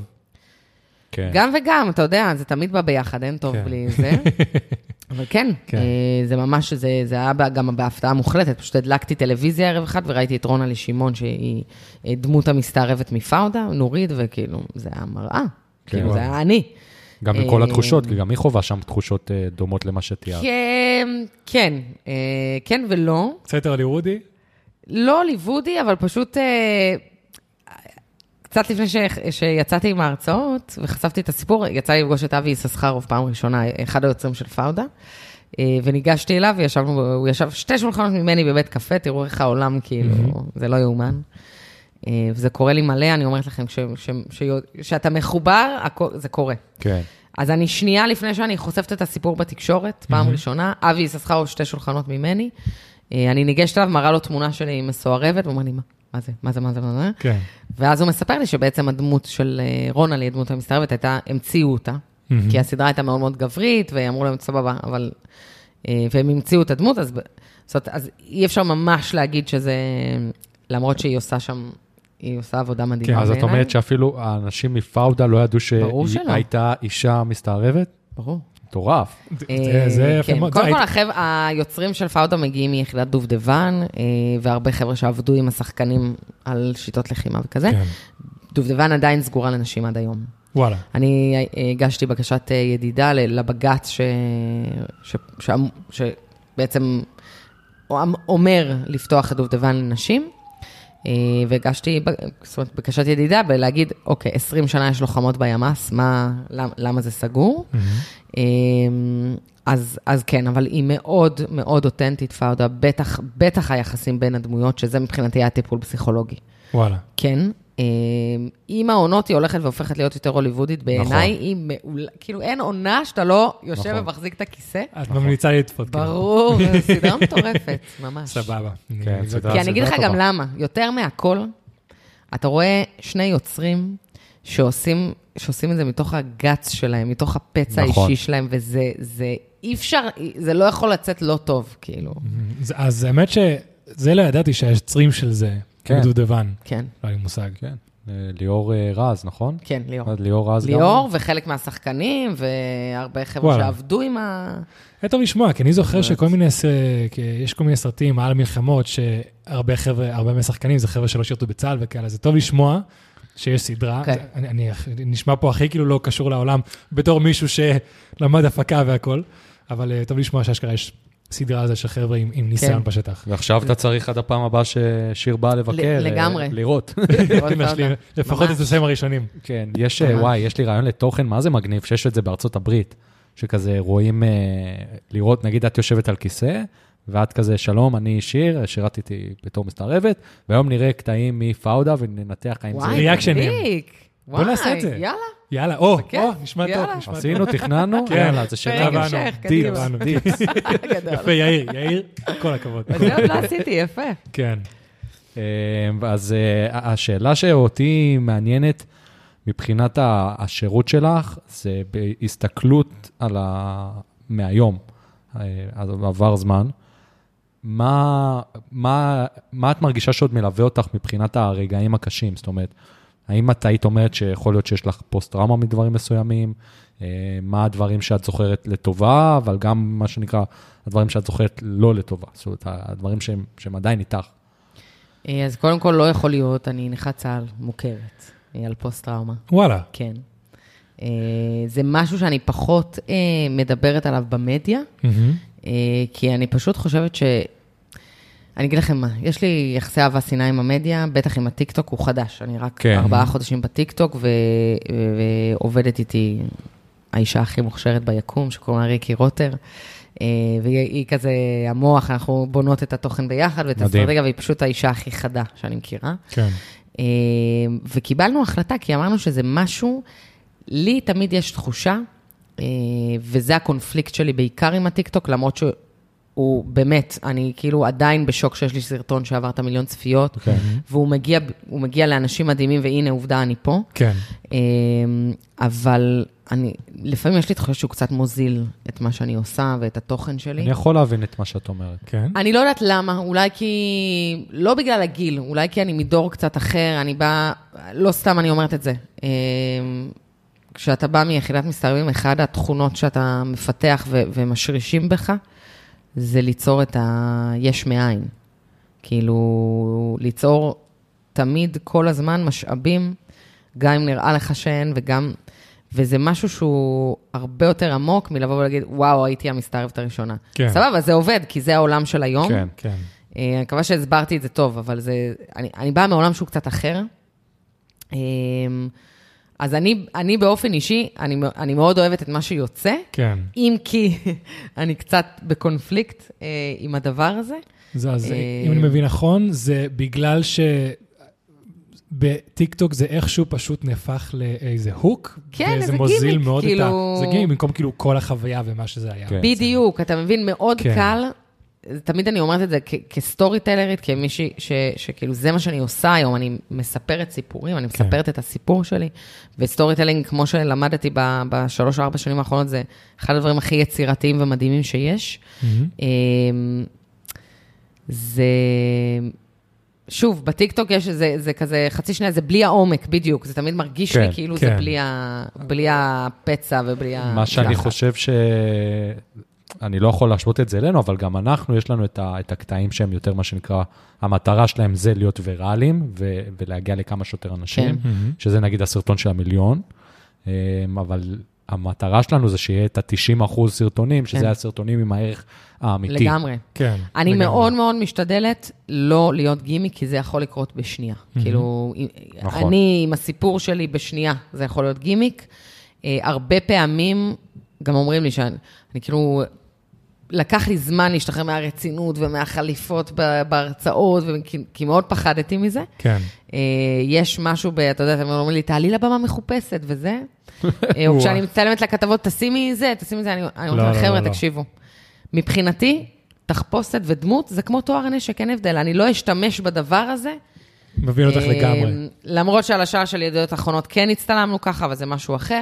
בקיצור, אני מאוד כל הזמן שומרת על המקום הזה שלא, לא להפ... כאילו, לתת לזה את הכבוד של כן. זה. כן. אז בהקשר של הפוסט-טראומה, אה, שנה אחרי שחשפתי את הסיפור והתחלתי להרצות, אה, וזו הייתה שנה, גם, זה היה מ-0 ל-100, תחשבו, 14 שנים, לא דיברתי על הסיפור שלי, אה, מתוך בחירה, לא רציתי כן. אה, לדבר עליו. אה, ופתאום, פתאום אני מתחילה לדבר על זה, בלי שום טיפול פסיכולוגי ובלי הכנה מוקדמת, ואני פשוט כאילו, מ-0 ל-100, מספרת את הסיפור שלי שוב ושוב ושוב ושוב ושוב. הדבר הזה גם תפס תאוצה מעבר למה שיכולתי לדמיין, כי מסתערבת וכאילו... אמ, ו- ואחרי שנה, אני טסה בסוף השנה הזאת לוועידת אייפאק בוושינגטון, שזה היה אחת המטרות שלי כשהתחלתי עם ההרצאות, הבמה המטורפת הזאת. כן, זה מטורף. מטורף. זה היה הוועידה האחרונה לפני הקורונה, מאז לא היה עוד. מה שיצא לי להיות בה, אני מקווה שזו לא האחרונה ever, אבל... אה, ו... ואז מתפרצת לי פוסט-טראומה. אה, שתמיד הייתה שם, תמיד היו דפוסים, פשוט לא הייתה לי שום מודעות. אה, בושה מאוד גדולה בכלל לדבר על זה, גם מהכובע של לוחמת, אבל גם מהכובע הנשי. כשאני, כשאני מדברת על, על כל הסוגיה הנשית, אז אני ממש נכנסת לזה. למה? ו... ווואלה, מה עכשיו? כאילו, מה, מה עושים עושים זה? עכשיו? אה, כל המקום הזה שאתה מחזיק של החזקה והבלתי שבירה, ולא משנה מה תגידו, לא מזיז לי, כן. ואני, ואני לוחמת, כאילו, פתאום, זהו, הכל כן. כאילו מתפרק. אה, וזה היה ממש תהליך אה, של להיכנס לעומק של, ה, של הדבר הזה, להבין מה זה אומר בכלל. לפוסט-טראומה יש שלבים, כמו שיש שלבים לאבל, מהמם. כאילו, השלב הראשון זה, זה התחושה שזה כל עולמי מהיום והלאה, אני ככה, זה מי שאני, זה כן. ממש, יש שלבים. אה, ו, וממש לחקור את הדבר הזה, ולהבין שהדבר הזה איתי לכל החיים, ושכדי לעשות לעצמי איכות חיים יותר טובה, אה, זה ממש ללמוד לנהל את הדבר הזה, כאילו, וזה, כן. מאז זה מה שאני עושה. לא רק לעצמי, אגב, אני הקמתי קהילה בשם אחוות לוחמות, ו... ואני מוציאה פרויקטים לא רק ללוחמות פוסט-טראומטיות, ללוחמות בכלל, תכף זה יהיה גם לוחמים ולוחמות, כי היום אני כבר חושבת שהשילוב יותר חשוב מהבידול. הבידול היה כדי רגע לצעוק את הדבר שהשקוף כן. לגמרי. כן. אה, ובדיוק כמו בהכשרה שלי כמסתערבת, אני ממש עובדת גוף, נפש, תודעה. Mm-hmm. אם זה טיפול פסיכולוגי, לצד יוגה טיפולית, לצד זה שאני כאילו עושה המון המון ספורט וכושר, אה, בעיקר מה שעושה לי טוב, בעיקר מה שכל הזמן דואג לכבט אותי למקומות הנכונים. דיברנו על כמה שאני אוהבת פודקאסטים, אז איזה תוכן נכנס לי למוח, אני לא רואה חדשות, אין לי טלוויזיה בסלון. אני כל הזמן אה, בבחירה של איפה אני רוצה להיות. כן. אה, וזה ממש, אה, לא סתם אני גם מרצה על זה, כי אותם עקרונות אה, שקיבלתי בהכשרה, זה, זה בדיוק העקרונות שאני משתמשת בהם היום לחיים שלי. כן. אה, אז זה, זה בדיוק העניין. כל הזמן, זה לא רק התיאורטי, אה, זה לא רק הגוף, זה, זה כל, כדי לכבט את עצמנו, כן. ולשנות דפוסים ולאמץ דפוסים, ולא משנה מה, לעשות שינוי בחיים שלנו, כן. זה זה.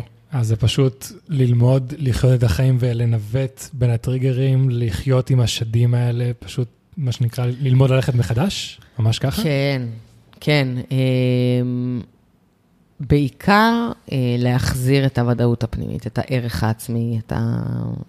יש לפוסט-טראומה נטייה לקחת את זה קצת. אמ, וכן, ללמוד, אה, ללמוד אה, איך לחיות עם הדבר הזה. Mm-hmm. אגב, ממקום חיובי, כן? כן? אני חושבת שזה גם אחת המתנות הכי גדולות שקיבלתי, כאילו, היכולת להיות מודעת לעצמי כל הזמן ולהבין, כן. רגע, רגע, רגע, רגע, רגע, אני הולכת למקום לא טוב, משהו לא טוב קורה. כן. אה, אני יכולה לספר לכם ש... שזה ככה באמת אה, אישי.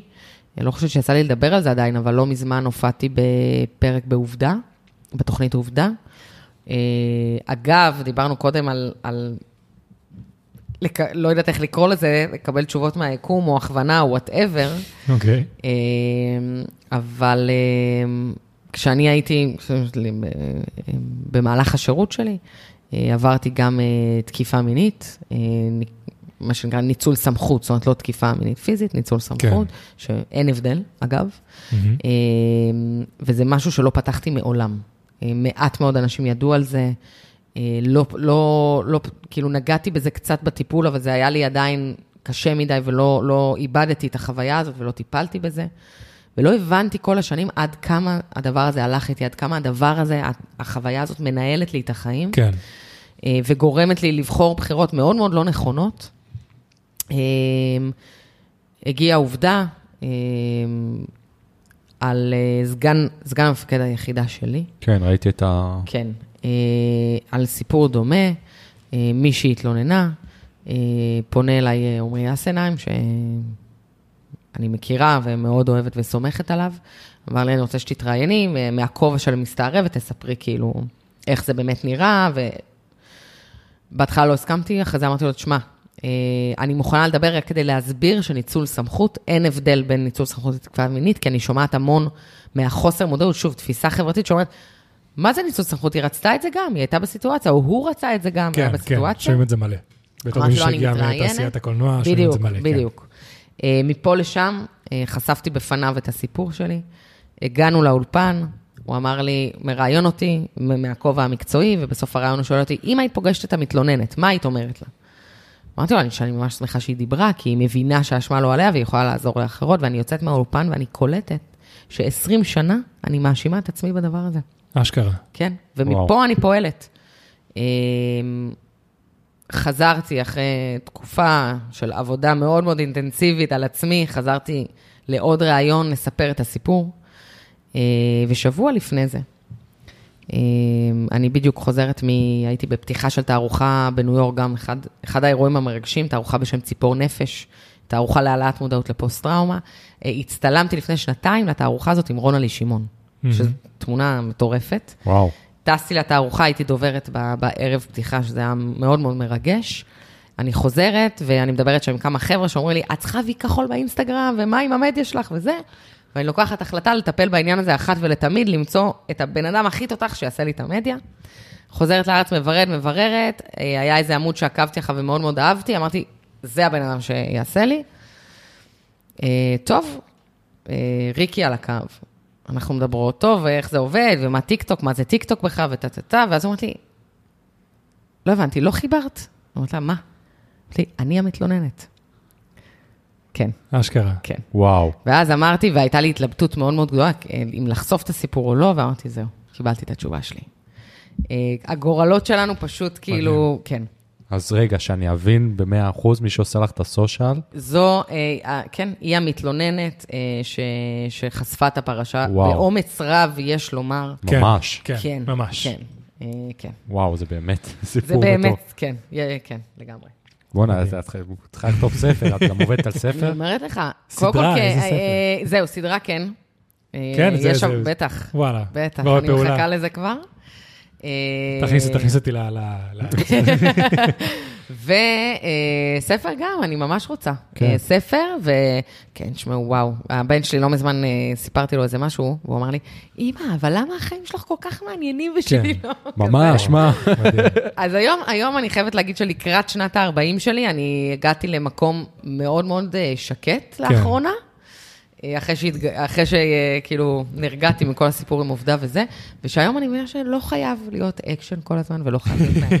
הכל בסדר, גם אם לא יהיה. היה מספיק. אקשן, אפשר. להירגע עכשיו, הכל. טוב, הוצאתי את כן. האנרגיות. בדיוק. אז אה, כן, דבר ראשון, אני רוצה להגיד לך שאני מאוד מודה לך ש- שהגעת שיתפת ודיברת, כי לדבר על אה, דברים שקשורים לבריאות נפשית זה לא משהו שמאוד נפוץ, אה, ורק כן. לאחרונה מתחיל להיות טיפה יותר נוח ומתחיל... כ- הפודקאסט הזה, אנחנו, אנחנו מאוד אוהבים את זה, אני התחלתי מאוד לפ- לפתוח את ה... אני גם בדיכאון, והיה לי התקפי דיכאון, ובטיפול אה, פסיכולוגי, וגם היה לנו פה מאמן אה, קרוספיט, כולו בחור מחוספס כן. וחזק, שגם הוא מתישהו פתח וחשף, אז דווקא, אני חושב שמה שאת עושה פה זה... זה אה, בטוח- זה חשוב בטירוף. זה חשוב, וזה דווקא שם אותך בתור בן אדם יותר חזק, כי בדיוק כמו שאמרת בהתחלה, כאילו פתאום מגיע PTSD, מה, עכשיו כאילו כל העניין של אישה חזקה נשבר? לא, ההפך, כאילו העובדה נכון. שאת מצליחה להתמודד עם הדבר הזה ולהמשיך הלאה ולהתמודד ולעבור את זה, זה כאילו עוצמתי זה ה- בטירוף. אני גם חושבת באמת ש... ש... שאחרי שחפרתי בדבר הזה של, של ה storytelling וחצי שנה ראשונה של ההרצאות שלי, הסתובבתי בעולם ברקנות שאמרתי, מה המסר שלי? על מה אני מדבר? כאילו. כן, והיום אני מבינה שלדבר מתוך הפצע האישי שלנו זה, זה מתנה לא רק לנו, אה, גם למי ששומע, וזה זה ככה צריך לחיות את החיים. כאילו, זה שאנחנו לא מדברים על דברים, זה כמה אנרגיה ומאמץ אנחנו שמים על להסתיר. וההסתרה ממש. הזאת הורגת אותנו. כן, כאילו, ממש. ממש ככה. כן. זה, אז, אז עם כל החוויות שאמרת, עכשיו את רוצה, אמרת שאת רוצה להירגע, מספיק אקשן, זהו, אז אם היית חוזרת אחורה, היית עושה את אותן החלטות, או כאילו שהיית בוחרת מסלול אחר? בדיוק את אותה דרך. כן, לא, אני לא. מתחרטת על כלום. אה, אני היום עובדת גם עם בני נוער, ואני מעודדת לשירות משמעותי. לא, לאו דווקא מהכיוון של צריך לתרום למדינה, אין ספק, אבל גם מהכיוון שאני חושבת שהצבא, ואני חושבת, אגב, שכל בן אדם בעולם צריך לעשות טירונות קרבית. אני מסכים איתך אה, לגמרי. כן, אני חושבת שהסל כלים שמקבלים בצבא, זה הסל כלים הכי טוב שיכול להיות לחיים. וואו. וזה מה שאני. מסבירה היום לבני נוער, שכאילו, חלקם אפילו מרוויחים כנראה יותר ממני, ויזמים, וכאילו, עושים המון המון דברים בגיל צעיר. כן. להם, הסל כלים שאתם תקבלו, וההתפתחות האישית שאתם תעברו בשירות, אתם לא תקבלו את זה בשום מקום. וואו, מסכים איתך במאה אחוז. אה, כן. אז אני, אני הייתי בפלחן גולני, סבא? זה יחידה קרבית למי שלא יודע. גולני זה המג"ב של אה, צה"ל, בקיצור. בדיוק.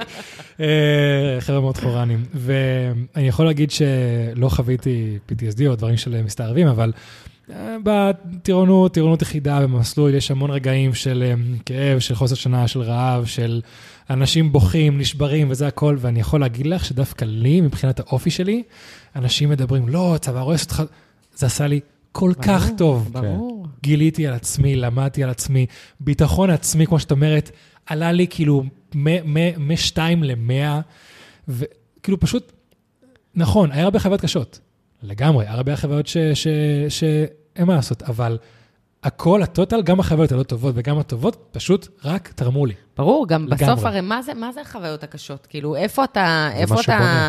מפתח את השריר הזה של הערך העצמי של הכל? זה כמו, אתה יודע, זה בדיוק כמו שאני מדברת על אי-ודאות וודאות. מה אנחנו כל כך מפחדים מאי-ודאות? שזה לא טוב וזה לא טוב. זה אותו דבר. כן. כאילו, אי אין טוב בלי רע, וזה זה הכי קלישאה. אה, אבל אלה החוויות שאתה גם אתה הכי תזכור את זה שלא ישנת ואת זה ש...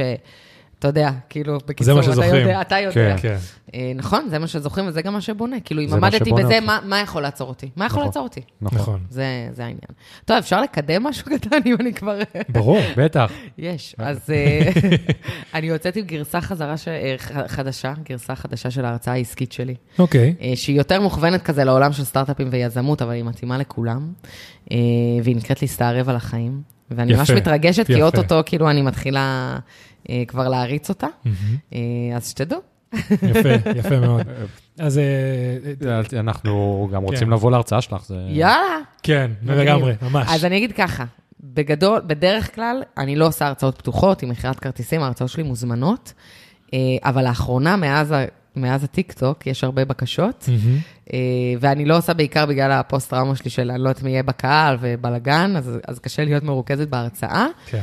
אה, אבל א', יכול להיות שאני אעשה בקרוב הרצאה פתוחה, אז ברור. אה, וב', גם אם לא. אני, אני אזמין אתכם להרצאה סגורה, ואנ- ואתם תיכנסו להרצאה מדהים. בכיף. תודה רבה. מדהים. תודה רבה. אבל יש אווירה של סיום, אבל יש לנו עוד כמה שאלות קטנות כן. שמאוד יאללה, שתי מעניינות. אותנו. אז אמרת שיש לך בן זוג. נכון. אבל אחד השאלות הקהל, שדווקא אמרתי שחובה לשאול, מה זה אמרת? אמרנו. כן, סליחה. אמ, האם העובדה שהיית מסתערבת, לוחמת והכול, השפיעה על חיי הדייטים שלך? כאילו, לא יודע מתי הכרת את הבן זוג שלך, אבל כאילו, האם זה הרתיע גברים, או האם זה הרתיע אותך לצאת לדייטים? אז קודם כל, כל שאלה פה היא סיפור. אה, בתקופת הצבא, בתקופת הצבא זה לא, כאילו זה לא היה שם. אה, התגייסתי, היה לי חבר מכיתה ט' עד י"ב כזה, וכשהגעתי ליחידה נפרדנו. לא היה לי באמת חיים, כאילו... כן. גם, סבבה, הייתי יוצאת וזה, אבל גרתי בירושלים, תמיד הייתי עם האקדח עליי, עם הביפר, כל הזמן הייתי בכל... כאילו, כל, החיים שלי היו היחידה, זה לא... אתה יודע, גם, גם בשלב מסוים, הקשר עם העולם החיצון די מתנתק, כאילו, חברים בבית ספר כבר לא, ו... כי אי אפשר לדבר, כאילו, אף אחד לא כן. יבין, אז, אז לא. אה, בתקופת היחידה. הרבה חוויות ש, שהיו לי שם מול העולם הגברי, אה, בטח עם הניצול סמכות, ובטח עם, עם היחסים עם הגברים שהשפיעו. בסוף, להיות אישה ולגדול בתוך סביבה גברית זה לראות גברים, לא תמיד מהנקודת מבט הכי מחמיאה. כן. אה, ביחס שלהם לנשים, אז אין ספק שזה השפיע.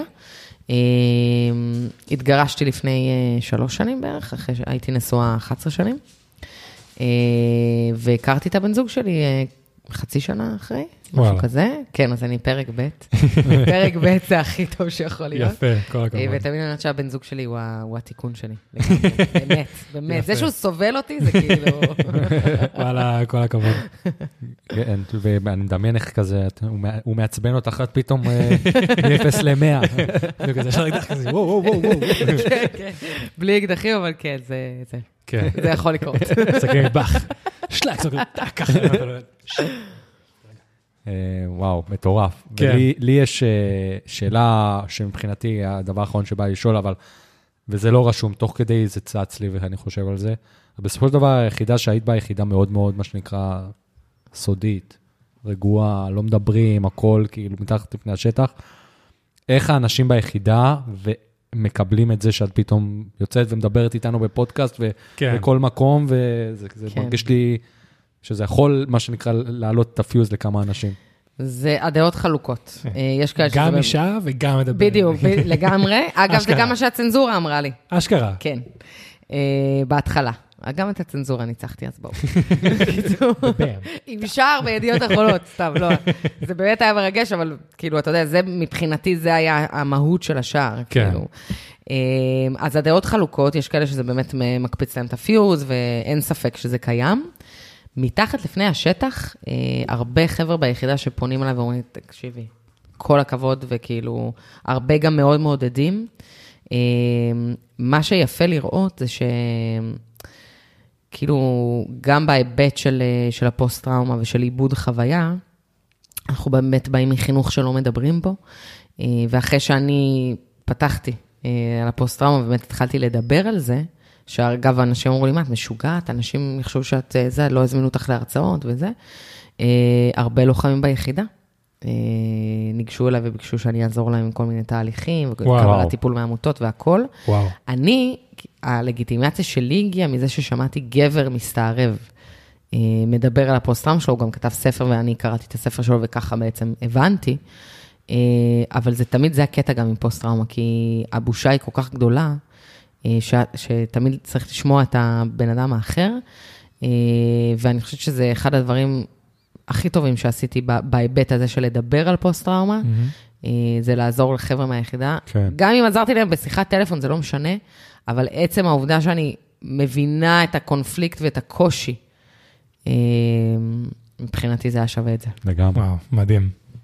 וואלה, כל הכבוד. אז זה סוג של מתחילה את הדומינו, כאילו, אני מרגיש כזה שלכולם יש איזה משהו שלוחץ, את משחרר וכזה משחרר אצל זה כולם. ממש כזה. ככה, זה ממש ככה. אגב, לא רק בהיבט של פוסט-טראומה, כל דבר שאתה תדבר עליו, כן. כמו שהזכרת קודם, אתה אף פעם לא יודע מי בצד השני, ואתה אף פעם לא יודע... נכון. לגמרי. אה, יש נכון. לי חבר טוב שעשה גם כמה פרקים עם עוד מישהו, אה, גם שני פוסט-טראומטיים, מהמם.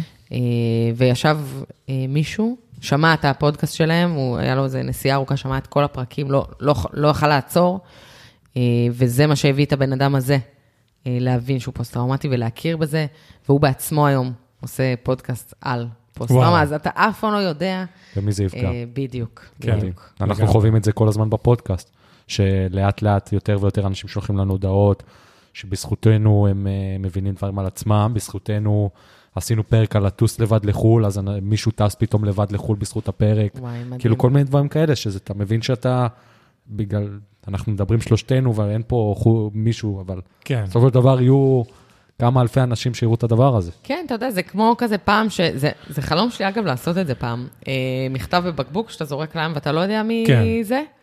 זה כזה, אתה יודע, אתה שולח את זה. אני חושבת שגם במקום, אגב, של חשיף, לחשוף או לא לחשוף, לדבר או לא לדבר, התגובות שאני רואה בטיקטוק, שבהתחלה לי מאוד מאוד קשה איתם. אה, אז אתה יודע, זה תמיד, זה כמו בראש שלנו, המלחמה הזאת של כן לעשות, לא לעשות טוב, או לא טוב, אני בסדר, אני לא בסדר. וזה בחירה, הכל, אתה מבין, בסוף הכל יורד לזה שזה בחירה על מה להסתכל. אה, על זה שאוי, דיברתי, או על זה שהנה, נגעתי במישהו, עזרתי למישהו. אה, כן. בקיצור, אה, כן, זה בחירה. והצ'ילי פה, מה כן, שנקרא, היא משתגע. משתתפת בפודקאסט, היא תקשיב, מסכימה זה- איתי. הוא מסכים איתי. זה הכי עצבני, מה זה עצבני? הכי- מבקש תומי שהוא היה אי פעם באירוח, אז אני מצטער. אולי. הוא מפחד מהסיפורים. נראה לי זה דווקא מגניב אותו. אגב, הוא כלב שטחים, אז... אה, כן, עם השומרון. אה, שרוט פיזית ונפשית. אה, כן. אז שיר, אז מה מה איתך היום? כאילו, וואי, מה זה- מה זה בטוב? כן? ממש. קודם כל מתחיל הקיץ, שזה כבר זה כבר דבר טוב. את מעדיפה קיץ? כן, פעם הייתי בן אדם של חורף וזה התהפך, אני לא יודעת מתי, אבל כן, עכשיו אני רק בן אדם של קיץ, לא. של חורף. אני אוהבת קור וזה, אבל קיץ. אה, מה איתי היום? כן. אה, היום, אה, לאחרונה, הבנתי שאני ככה כבר כזה בהסתכלות קדימה, ואני עכשיו בימים אלה מסיימת גם לבנות סדנאות חדשות שאני מאוד מאוד מתרגשת מהן. תקשיבו, לא דיברתי, לא הוצאתי מילה 14 שנה, ופתאום הסכר נפרץ, ועדיין לפעמים יש לי את ה... באמת יהיה לי מה להגיד, באמת יש שם מסר, באמת שזה. אז לקח לי. הרבה זמן להדק את זה, אבל זה קורה. אה, סדרה שאני עובדת עליה, שאני גם... אשכרה. זה ממש לידה, זה ממש כאילו. אני אשמח זה לשמוע על טוב. זה עוד אחרי זה. כן. כן. אה, ולאט לאט אה, עם הזמן אני מבינה כמה זה חשוב לשמור על ה-well-being שלנו ולעשות מה שטוב לנו. נכון. אנחנו בעולם הפוסט-טראומה, החבר'ה הבאמת כמוני, עם האנרגיות שלי, זה כזה, זה, אנחנו קוראים לזה לפרק. כן. אה, זה, זה הפסיכולוג שלנו, לפרק. הבנתי. אה, אז אם זה מסיבות, אה, טבע, שזה אחת האהבות הגדולות שלי, וואלה. ברור, זה, זה משהו מאוד מאוד מיוחד. ואם זה הריצות, שאני מכורה לריצות. אה, אני ממש, אני חושבת ששבוע הבא, אני אה, ארבעה חודשים כבר לא מעשנת. הפסקתי לעשן. אשכרה. כן, מזל טוב. תודה. אז אז דברים, זה זה כאילו, קשה, זה קשה להפסיק. מאוד, וואלה, אחד הדברים הכי קשים שעשיתי. כן.